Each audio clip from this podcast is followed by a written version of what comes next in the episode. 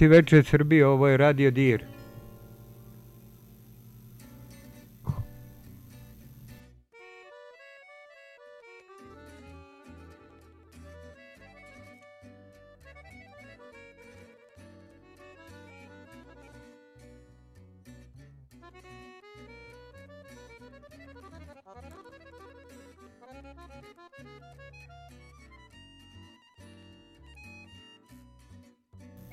Dobro ti veče Srbije, ovo je Radio Dir, specijalna emisija sa našim specijalnim gostima. Slušajte nas tokom narednih sat vremena.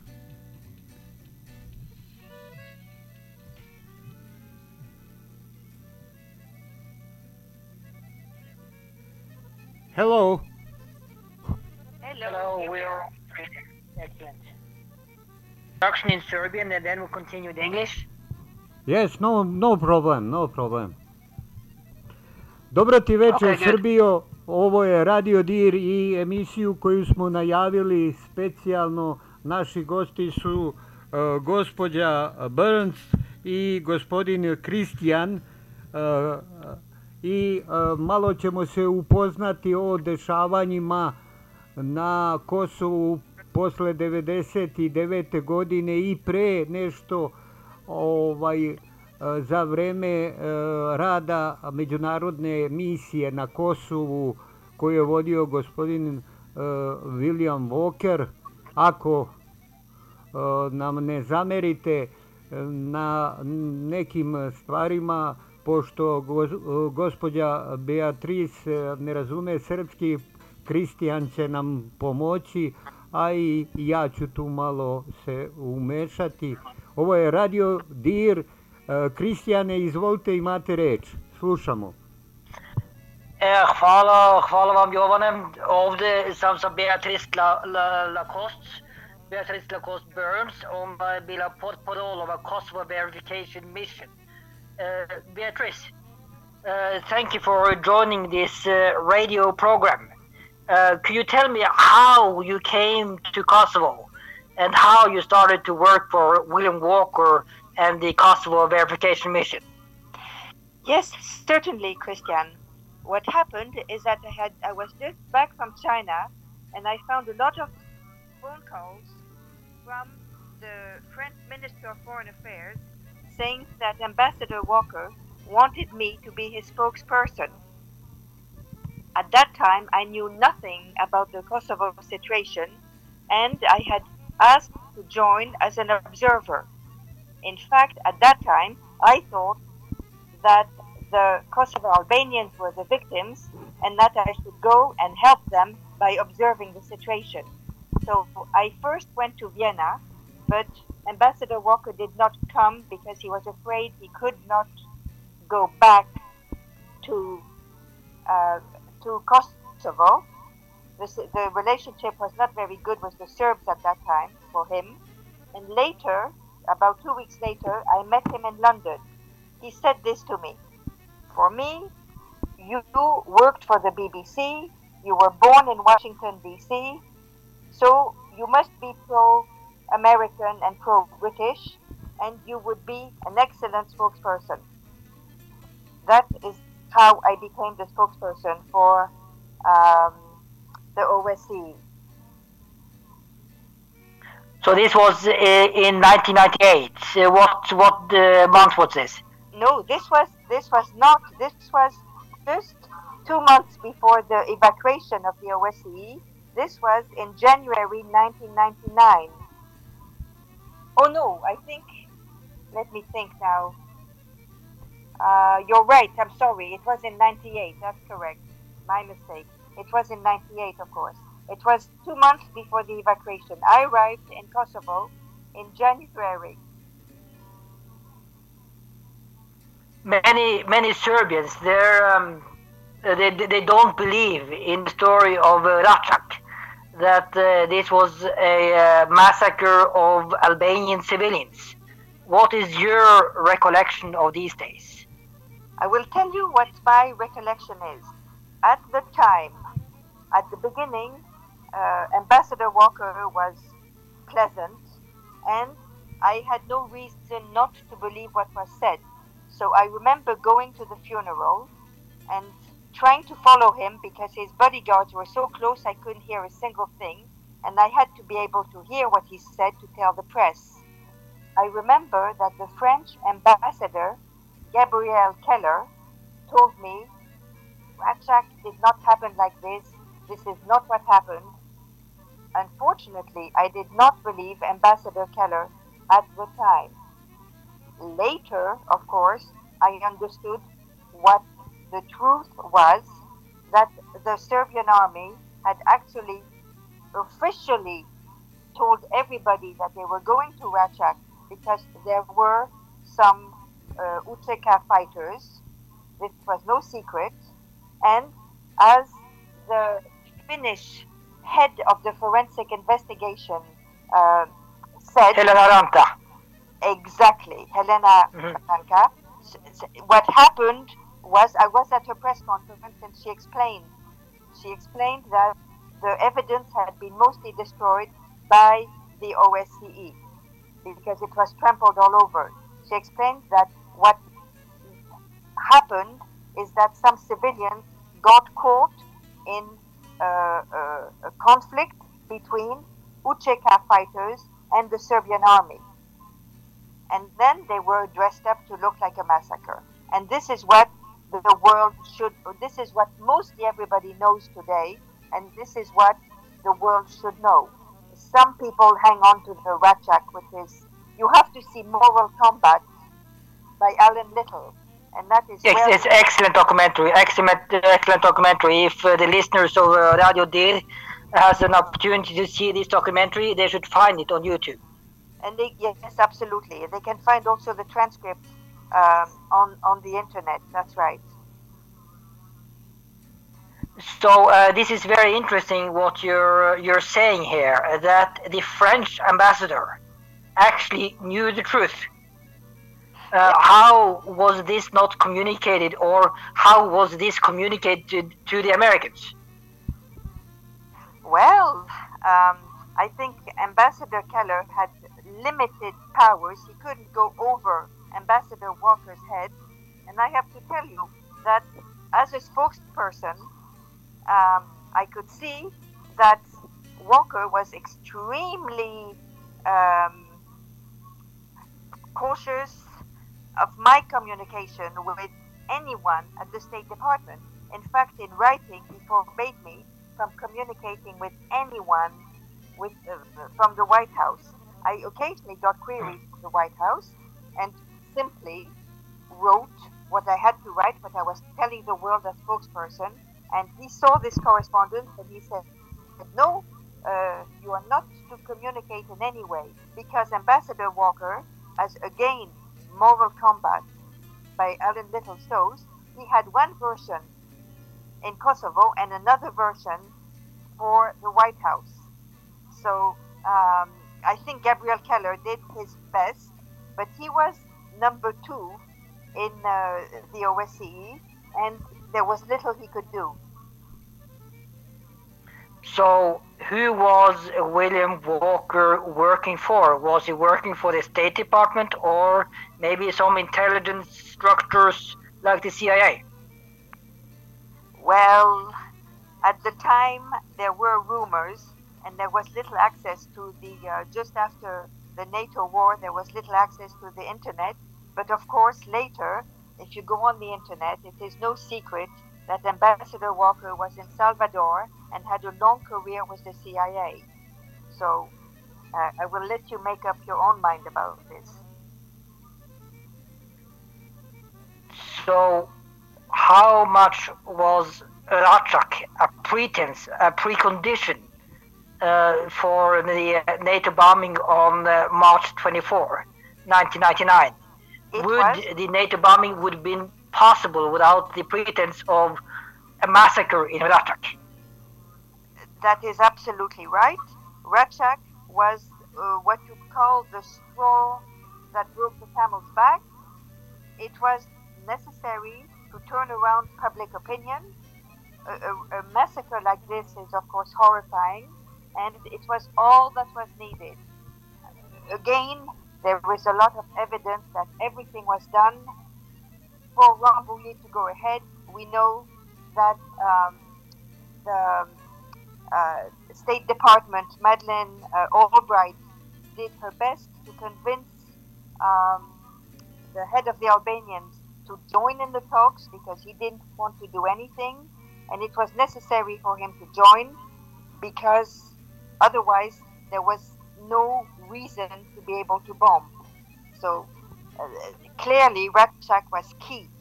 How much, you know how the CIA operates, how much the, the, the, the, the State Department actually uh, in Washington, D.C. knew about all this, no one will ever know. Anyway, that's what happened. So uh, I have myself seen uh, uh, CIA involvement in uh, trying to destabilize uh, Serbia. I have seen how they have been uh, training uh, UTK terrorists.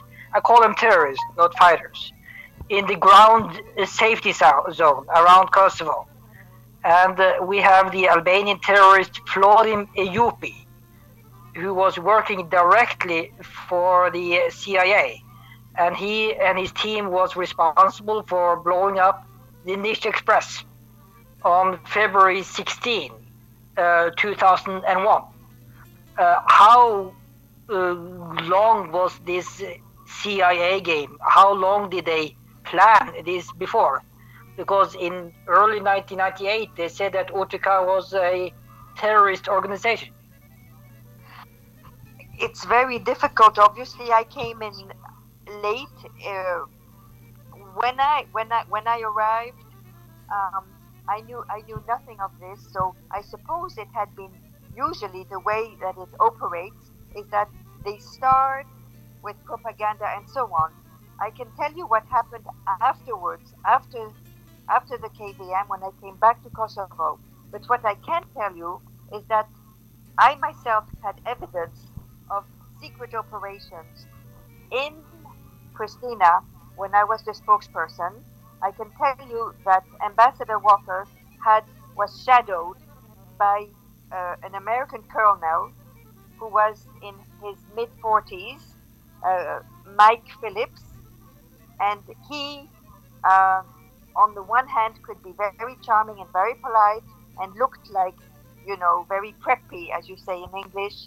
He looked like the, the, the, the perfect gentleman, and on the other hand, he would be very brutal and use foul language, and he behaved badly. And I know that Walker would go nowhere without him. So he would have been CIA clearly, and also there was another famous figure, a British general called Dreviankiewicz, uh, John Carroll Dreviankiewicz, who was a totally cynical, uh, brutal personality, and he may well have been involved in this plot. What about guys like William Holbrook? He was uh, very much involved from the U.S. State Department side. Uh, how well did he cooperate with other intelligence structures of the uh, Americans? Listen, I do not know. All I know is when I watched uh, Moral Combat, I saw a picture of William Holbrook, who had come to Kosovo without a province of Serbia, without telling President Milosevic, and he is photographed sitting down on the floor, surrounded by two UCK fighters squatting next to him with their guns. So that was a very embarrassing photograph for him. That is all I know. Jovan, uh, you can maybe speak a bit in Serbian. Uh, vi ste slušali sada, jel vi imate pitanje Beatrice? Pa dosta sam razumeo ovaj, uh, sumnje u to gospodin, to jest ambasador Walker, uh, da li je radio direktno pod ovaj američkim snagama ili vladi ili je bio ovaj u u CIA, je li tako bilo nešto? Da, tako, to je diskusija, to da. Beatrice e, ne zna za sada. Da, da, Ali nevjerovatno je priča kao što je Beatrice e, pričala sada. Ona je bila potporo Kosovo Verification Mission. Da, da. I, i, i ovo je bio vrlo, vrlo pridlove igre ovaj, Amerikance. Da, da pitam Beatrice. Beatrice, yeah? uh, what, what do you think of, the, of, of this dirty game of, of the Americans? I mean, they, they, they say that they work for democracy and, and human rights. Uh, should we have any confidence when the Americans are going to war to protect human rights and democracy? You know, uh,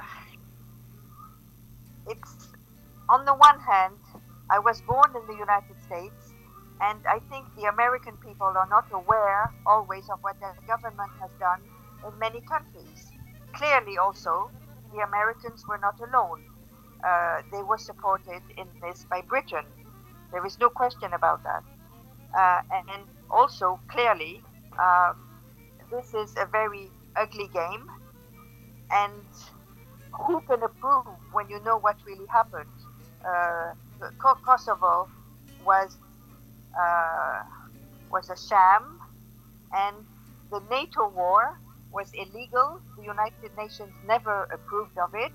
Um, I still remember the spokesman uh, saying, "Oh, we've had yes a little bit of collateral damage," and of course we know we know how many civilians, totally innocent people, were killed during the bombings. We also know that the Kosovo Albanians had to flee they were also victims of this uh, of, of this bombing, and so uh, and it went and it and it went on because of course the results of uh, this bombing and Kosovo becoming so-called independent has left the country and and a lot of churches have been destroyed. We know that Serbs have been persecuted. So we know also the devastating consequences uh, for uh, Metohija, the cradle of Serbian Orthodoxy. So yes, and uh, Serbians should, of course, uh, whenever they have a chance, go to visit the monasteries in Kosovo, Dechani, and all the other monasteries. Uh, but uh, uh, let, us move back to uh, March 22nd, 23rd. Uh, the evacuation of the uh, KVM mission in their orange trucks. Could you tell us uh, what happened these days? Well, I can tell you that obviously the evacuation had been planned all along, all along, um, probably organized essentially by uh, uh, John Drevenkiewicz. But of course, they pretended that it was a big surprise, and suddenly, at uh, three in the morning, we had to be evacuated. So what I remember. At what, what date was it? This was twenty second or twenty third. Uh, you know, it was twenty years ago. I could, I can yeah. send you. I, I have this in writing somewhere. I do not have it in my head, so I can't tell you exactly. But I it was just before the bombing. Just before the bombing. Oh yes, of course. What I, I can tell you, okay, I can't tell you what day it was, but it was. I remember it snowed heavily. We all had to go at three in the morning. What happened I, I, I, must also say that at that stage I was no longer spokesperson because um, I'm very glad to say that I had been my my mobile phone had been taken away from me and I had absolutely no role and I was very thankful for that because um, I did not want at that stage I understood what was happening and I did not want any part of it. So what happened is that we all got into cars. We went to Macedonia. We were uh, we traveled without any problem. All of us, all the KPM traveled to Macedonia. We arrived in um, the capital. We were not welcome. Um, co- uh, Ambassador Walker sent a message saying, "Oh, hello, uh, we'll be back soon. Take care." Just before people were bombed, which I thought was ridiculous.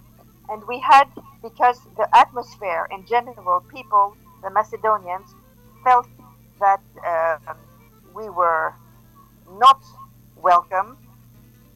We went to Ohrid on the lake, and the bombing started, I think, two or three days later and it was one of the worst days of my life. I remember.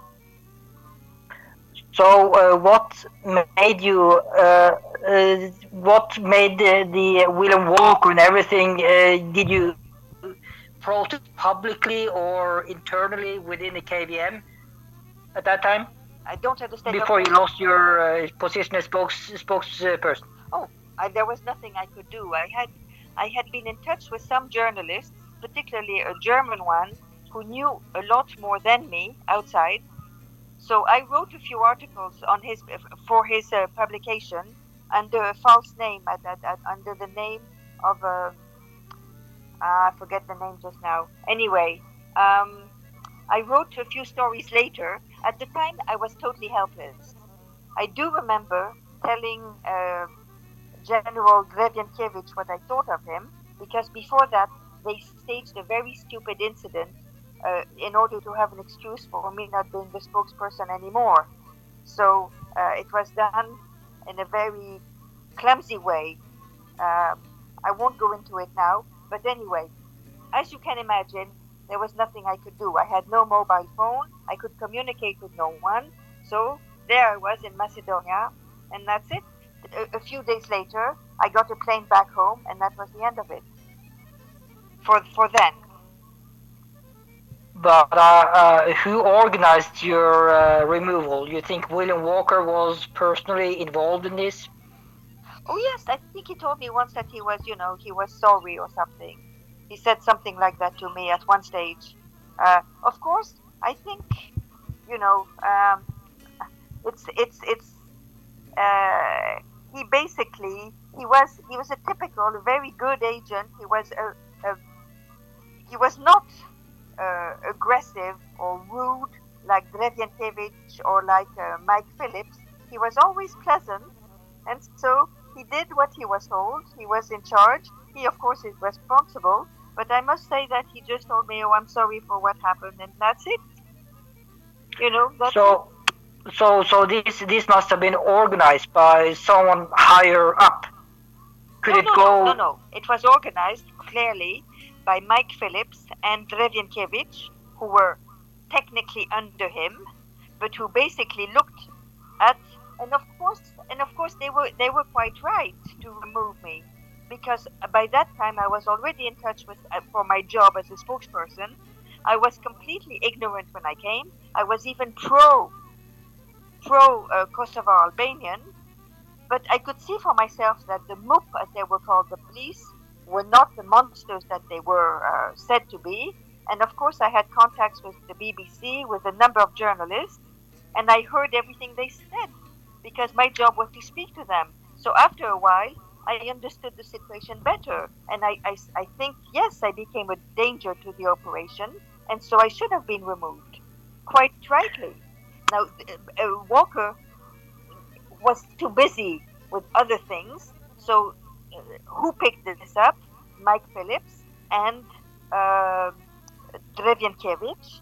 And so they quite rightly told him to remove me and created a, some stupid incident so that there was an excuse officially to remove me. So it, it's very logical. Mm. Have you talked to Alan Little after these events? Yes, of course. And so I was interviewed in Moral Combat. Mm. Excellent. Jovan, Yes. kako zvuči? Jel e, imate neki pitanje e, za, za Beatrice? Pa ovaj, evo ja ću pokušati da postavim e, pitanje e, koliko e, po njenim saznanjima da li barata sa e, cifrom, da li je do OSC e, stiglo informacije koliko Srba je moralo da i oni e, koji nisu Srbi morali da pređu u Srbiju. Da li u OSC imali su te podatke tada? Yes, uh, Jovan is asking the question now if you in the OSCE had information about Serbians at that time in 98 and 99 that had to flee to Serbia because of oppression and terrorism from Albanians. Uh, when I was before the bombings, absolutely not. There was no information you can imagine. No, not not until after the bombings, when it became very clear that the churches were being destroyed, that people were being persecuted. But before the bombings, there was no such information. Excellent. Jovan, Da, da. E, razumeo sam nešto, nisu imali informaciju o, za vreme i posle bombardovanja, je li tako nešto? posle bombardovanja, ona je otišla ovaj, pre bombardovanje. Aha, aha. E, e, Uh, a ne, nije imala podaci sad da Srbi su otišli pre bombardovanja. da, da, da. Da, znam, sa pokretanjem snaga. Ne znam šta još, ovaj, e, spominjalo se e, o, Makedonija, ovaj, e, i, i e, nisam dobro razumeo taj deo u Makedoniji. Ovaj, pokušao sam da, da propratim, Da, ali... e, Makedonci rekli da e, KVM nisu bili dobrodošli tamo. Aha, Oni su osjetili neprijatnost kad su bili u Ohridu. I e, sve je bio planiran. Ovaj agent CIA, e, Mike Phillips, on je bio mnogo važnije nego William Walker. Da, da. I tako da, da kratko ovaj, objasnjam. I e, ona je izgubila svoju poziciju kao portparol i e, rekla je da oni su bili u pravu. Zato što ona je otkrivila ovaj, istina. A istina ne ide zajedno za ovaj misiju. Mhm. A, a u vezi one finske, e, šta je ona bila sudija što je otkrila... O, Helena Ranta. Da. Helena Ranta, da, da, bila... Uh, is asking about uh, Helena Ranta. Did you talk to her when uh, when uh, she was in Kosovo? Yes, I did. Yes, absolutely, I did. We have stayed in touch. I haven't heard from her for from years, but I still have her, her contact. And she told me this when she came for the press conference. She met with Walker, and she told him what she was going to say at the press conference. And she was not going to say that Rachak was a massacre. And Da, she was so, going just say- translate. O- o- ovaj, Beatrice kaže da ovaj, Helena Ranta je bila na ovaj konferenciji za štampa i ona je rekla ovaj William Walker da neće da kaže da ovo je masakr. Please continue, Beatrice. And so this is, I think she wrote this anecdote in her biography. I think it's very famous now. But what William Walker did was he picked up a pencil on the table, he cut it in two, and he threw the pieces of the pencil in her face. He was so Mm, angry. Ovo je mnogo dramatično, ovaj William Walker nije bio srećan uopšte. On je uzeo ovaj olovku i sekao je u dva, Da, dva ovaj, dela i bacio sam ovaj olovku na, na lice Helena Ranta. da. Please, Beatrice. So, uh, Helena Renta, I had a transcript of her press conference, and uh, I remember, I still remember because I took a lot of notes, everything she said. And as, as, I, as I told you, um, she made a very thorough forensic investigation. Uh, for instance, she said that when you when you normally, if someone has been touching uh, gunpowder, you can tell on their fingers. But then so many things can interfere with that, and so she could not pick up that the the the, the, the men who were dead uh, and supposedly massacred had touched gunpowder, but clearly for her there was no question that it was not a massacre, but that they were civilians caught in a crossfire. That was the no. conclusion. No. They, were, uh, they, were, dressed up to look like they were uh, victims of a massacre. Da, ovaj, Helena Ranta je rekla na ovaj, štampa ovaj, novinari, u konferenciji sa novinari, da nije bio masakr, to je bio civilisti koji su bili u vatru kada su uh, MUP i e, vojska Jugoslavija borili protiv uh, UČK. Da. Please.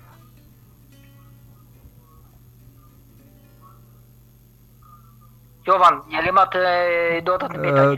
Da, ovaj, bilo se e, pričalo o tome da su e, donošena tela sa drugih krajeva pa su skidali uniforme UČK i, i ta tela polagali tu u Račku. O tome je pričalo se u Srbiji tada. Jel, Yes. In, in uh, the, he's, he's saying that uh, the civilians were dressed in UTK uniforms. What do you know about that? Uh, I don't remember. I don't think so. No, because that would have been the truth that they were soldiers fighting for Ucheka. No, I think I remember that the supposed the victims, let's say the men who were killed in the crossfire, they were dressed in civilian clothes. They had been dressed again, and they were all aligned. I forget the details, but it was made to look like a massacre and it had not been one. That is clear. Da, ali ona je jasna da ovo nije bio masakr uopšte. Hmm, da, ali taj, bilo je priče o tome da em, dosta civila je dovlačeno iz drugih krajeva i da u stvari to ni nisu bili civili nego UČK vojnici koji su stradali u Da, borbama. Beatrice kaže da nema podaci da priča su to za sada. Da, da, pa dobro, mm, razumljivo.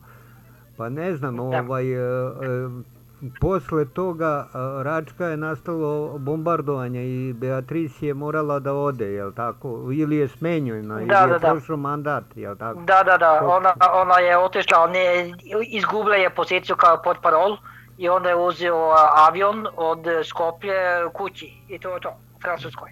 Aha.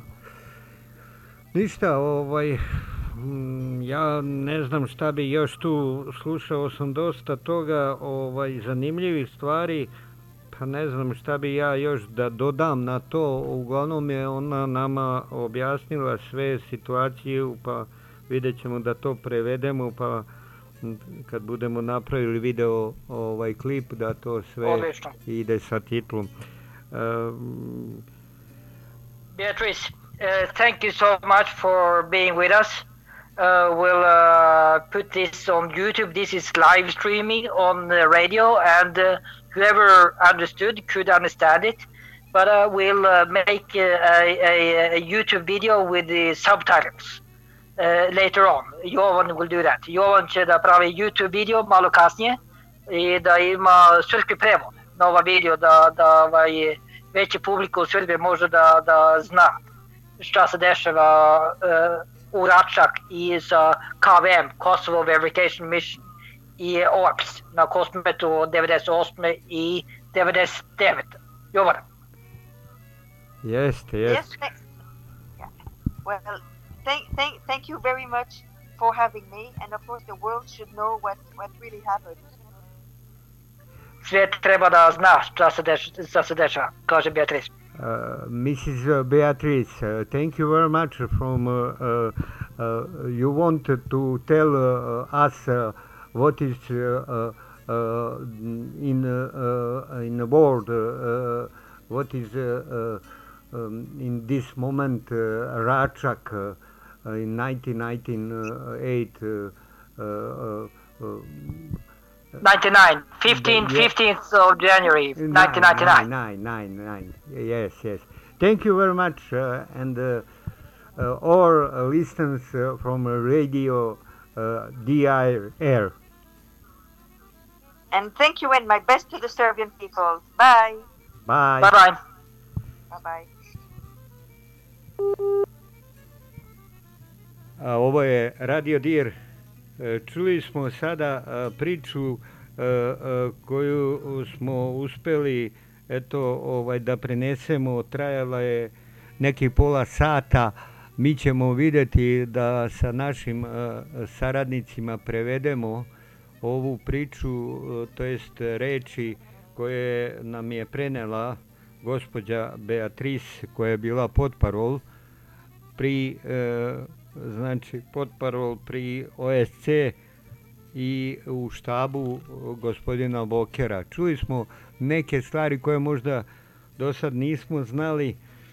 Mi ćemo u upravljanju videoklipa da vam uh, uh, ovo prebacimo da ima bar uh, titulu na srpskom kako bi ostali naši slušaoci koji kao i ja su pola mogli da razumu ovaj, o dešavanjima pa da bi stvorili bolju sliku o tome šta se u stvari e, dešavalo u Račku 98. i 9. godine posle toga što je prouzrokovalo ovaj e, NATO bombardovanje. Evo, povodom ovih 21 godinu kako je počeo taj napad e, na Srbiju, ovo je bila inicijalna kapisla i pravdanje e, NATO snaga za taj, da kažemo, akt e, i, i sama ta misija se zvala Milosrdni anđeo, što malo je absurdno, jer bombe koje su bacali na Srbiju sigurno ne znaju da ti ciljevi gde su bombardovani sa tim bombama su živela i deca i to se vidi u ciframa koliko srpske dece male dece ovaj i je stradalo u tom bombardovanju. Kristijan nam je i dalje na vezi pa ovaj Kristijan je ovaj e, bilo mi je drago kažem nešto smo nešto sam ja uspeo da razumem nešto ne ali mi ćemo pokušati to da uh, prebacimo na uh, srpski titl i preko video o, na YouTubeu da to mogu propratiti uh, više ljudi. Sad ako da, želiš... i kako, kako je rekao, izvini, da, kako da. je rekao Beatrice, ovaj dokumentarac, ovaj Moral Combat, to je BBC dokumentarac. Da, da. I postoji transkript i tako. I Beatrice je pričala ovaj dokumentar, mislim da film traje dva sata. Ali dobro je da ovaj, slušajci ovaj, Radio Dir može da sluša ovaj dokumentarac. Mm -hmm.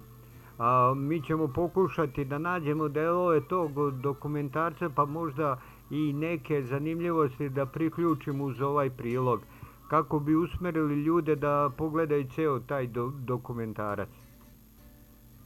Odlično. E, hvala vam Jovna.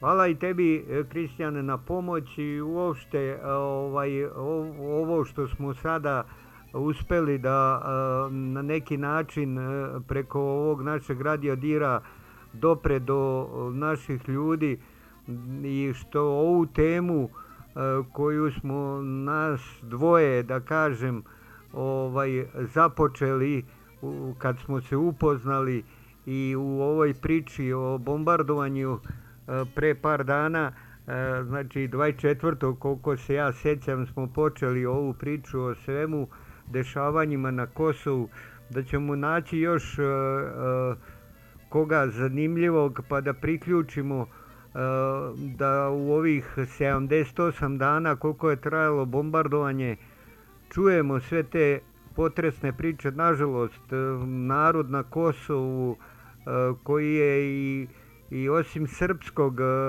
pobegli su, to se zna, to više nije tajna, i neki Albanci čak i Romi i tako dalje, druge narodnosti, nisu samo Srbi, oni jesu većinski narod koji je proteran, ali ima dosta i e, Albanaca koje su, koji su morali da odu iz a, a, sa Kosova zbog toga jednostavno a i vidi se svi, e, svi koji su želeli da svedoče na tim procesima protiv e, UČK vođa svi su nestajali ili e, nekim nesrećnim slučajem gubili živote tako da nisu mogli biti svedoci to je to, to se može pogledati u mnogo primjera na YouTubeu i društvenim mrežama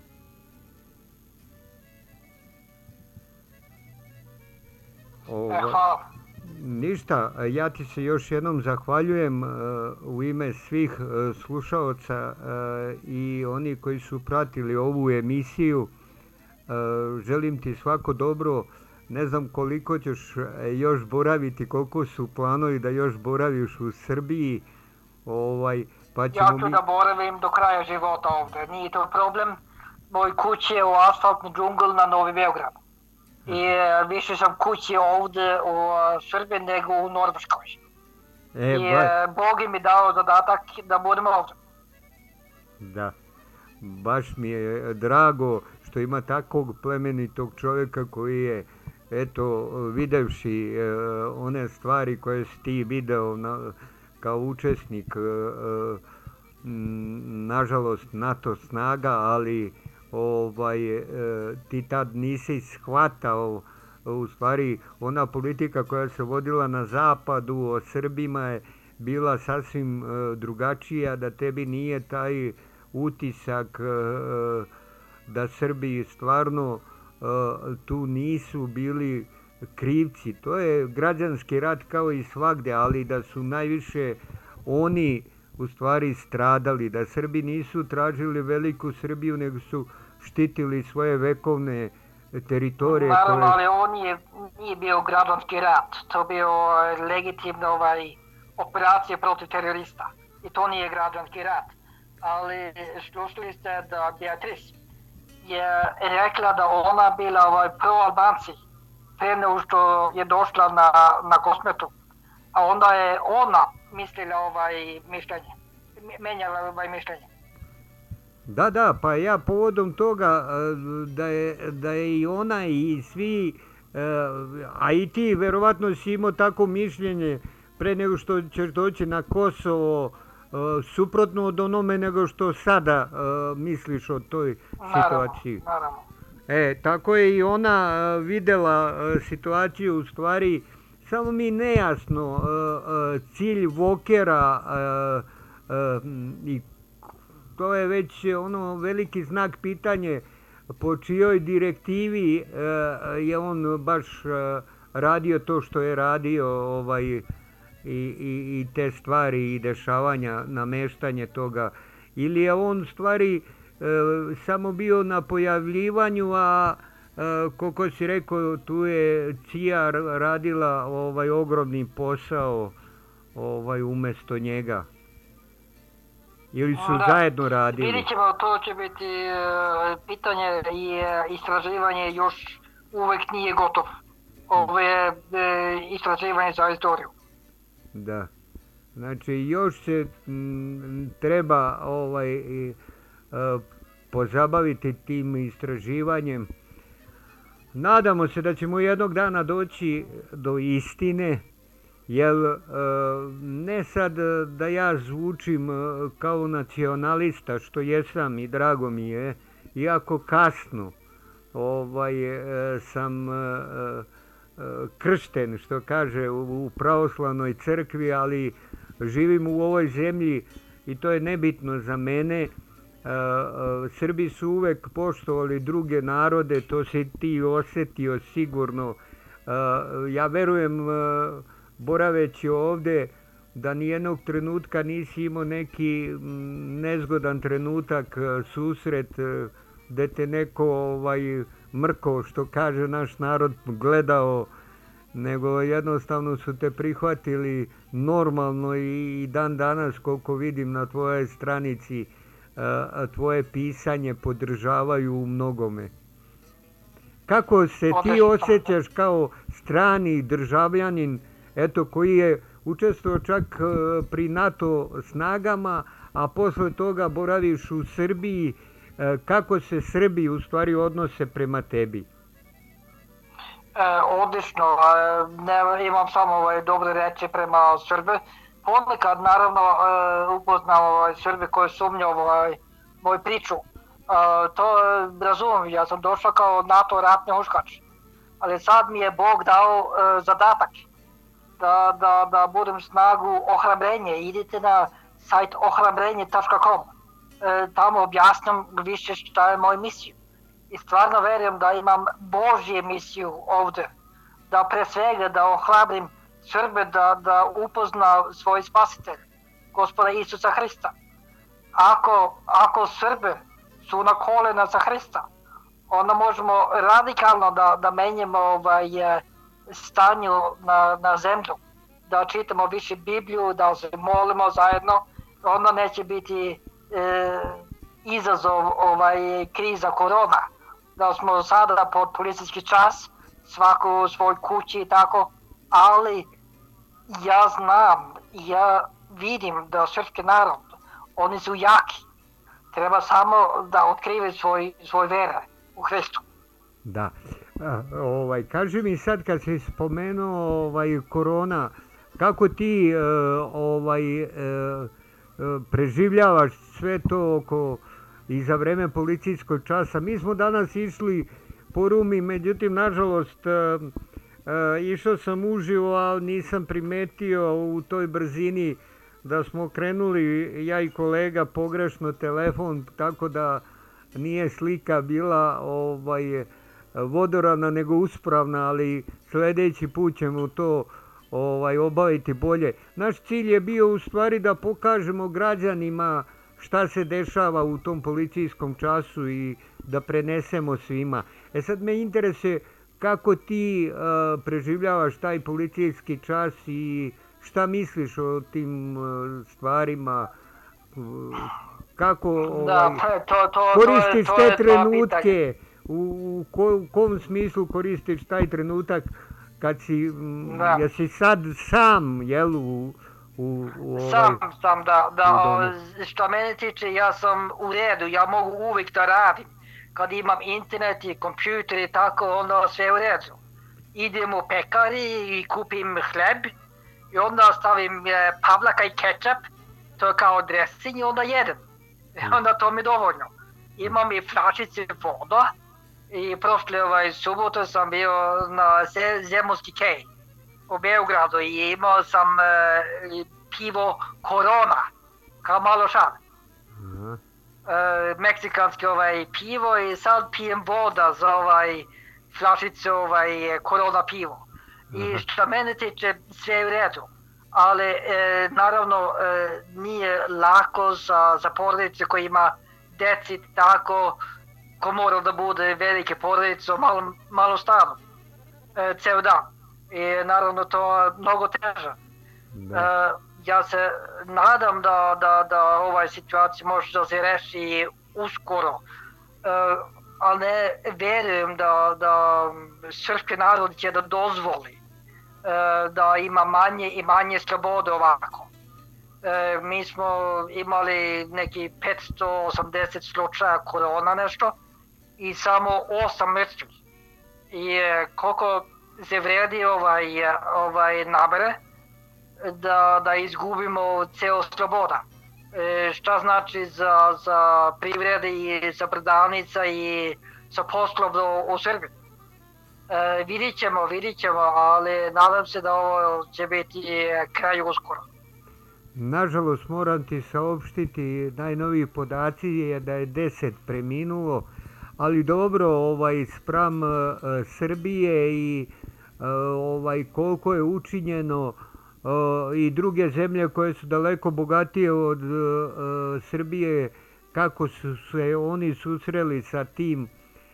Tu su sad i nagađanja ja ne ulazim kao novinar u to i u neke teorije zavere mene interesuje više e, i ti ljudi kojima sam podelio akreditacije u gradovima širom Srbije, ima šest gradova koji rade novinari za Radio Dir, ja sam im rekao, vi prenesite iskrenu onu situaciju, dešavanje koje se dešava na ulici. Da li se narod pridržava i onda ćemo videti na kraju kad sve ovo prođe, da li je stvarno taj efekat e, e, bio e, potreban i da li smo se uspeli odbraniti.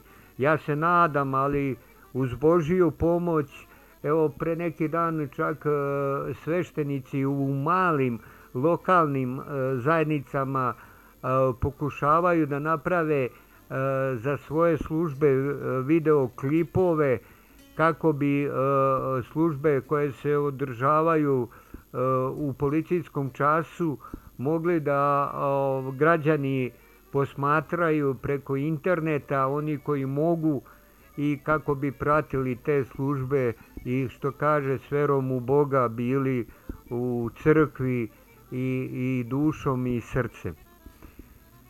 Da, i imam na kraju imam e, još jedan ovaj reč, eh, ohrabrenje za srpski narod. Mislim da Srbe su bolje spremni za ova kriza nego svi ostali u zapadnoj Evropi. E, mislim da Srbe su jače zato što su navikni na kriza, sankcije i bombardovanje i sve to. Onda mislim da Srbe i, su u bolji stanju nego narod na, u Norvešk, na primjer.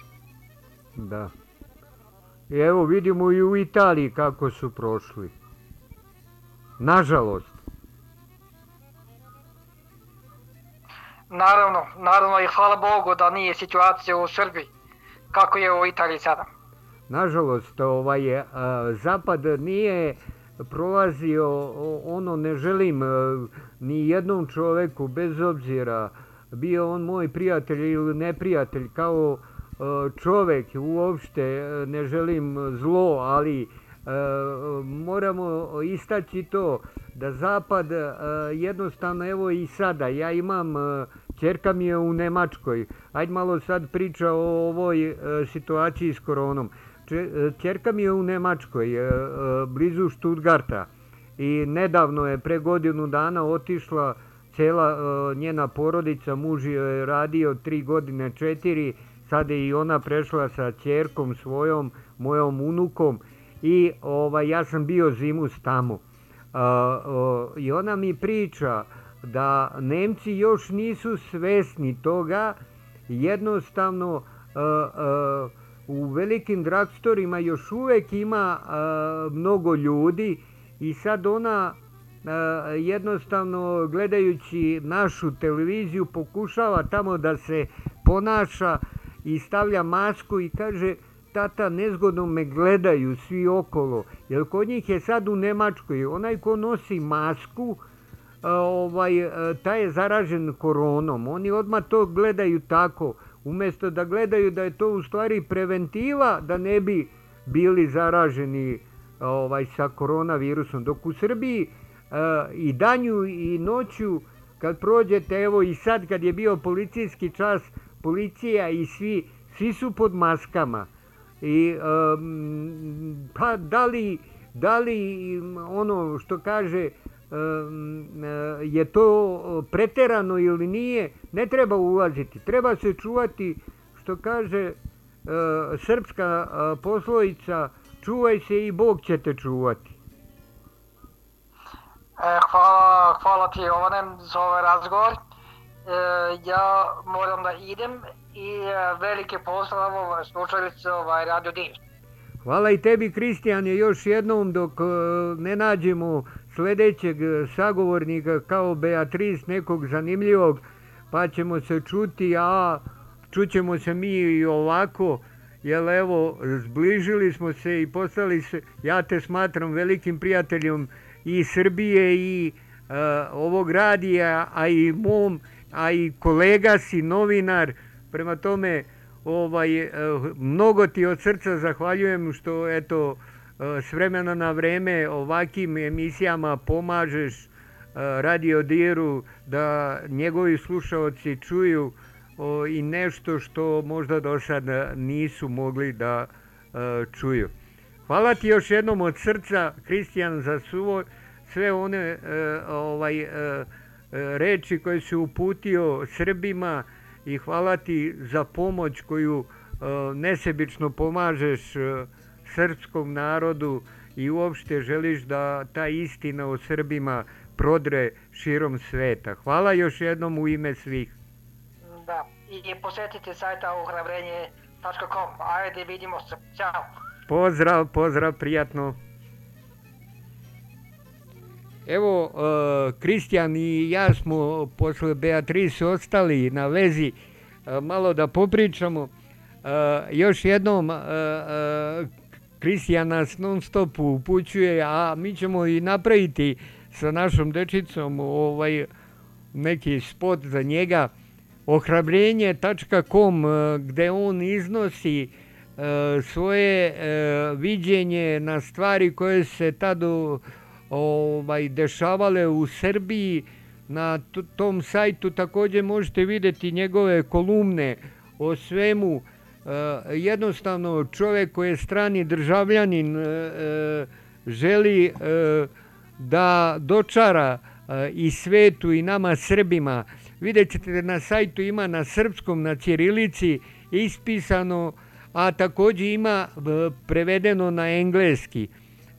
Njegov sajt nije namenjen samo Srbima, nego je namenjen i onima u svetu koji žele da doznaju istinu o Srbiji, o dešavanjima u Srbiji i tako dalje.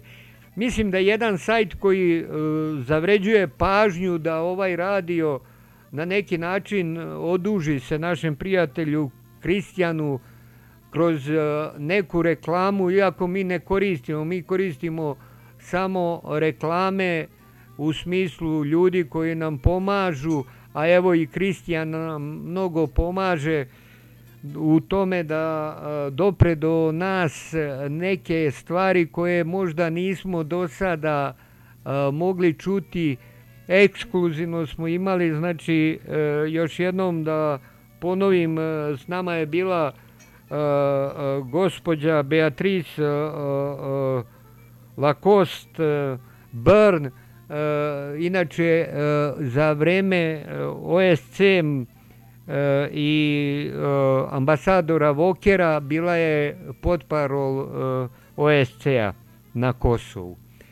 Čuli smo neke stvari, zahvaljujući našem prijatelju Kristijanu, kome stvarno ovaj, dugujem veliko, le, veliku zahvalnost za sve što čini ne samo za Radio Dir, nego čini za sve Srbe. Evo, sad je 19 e, časova 54 minuta.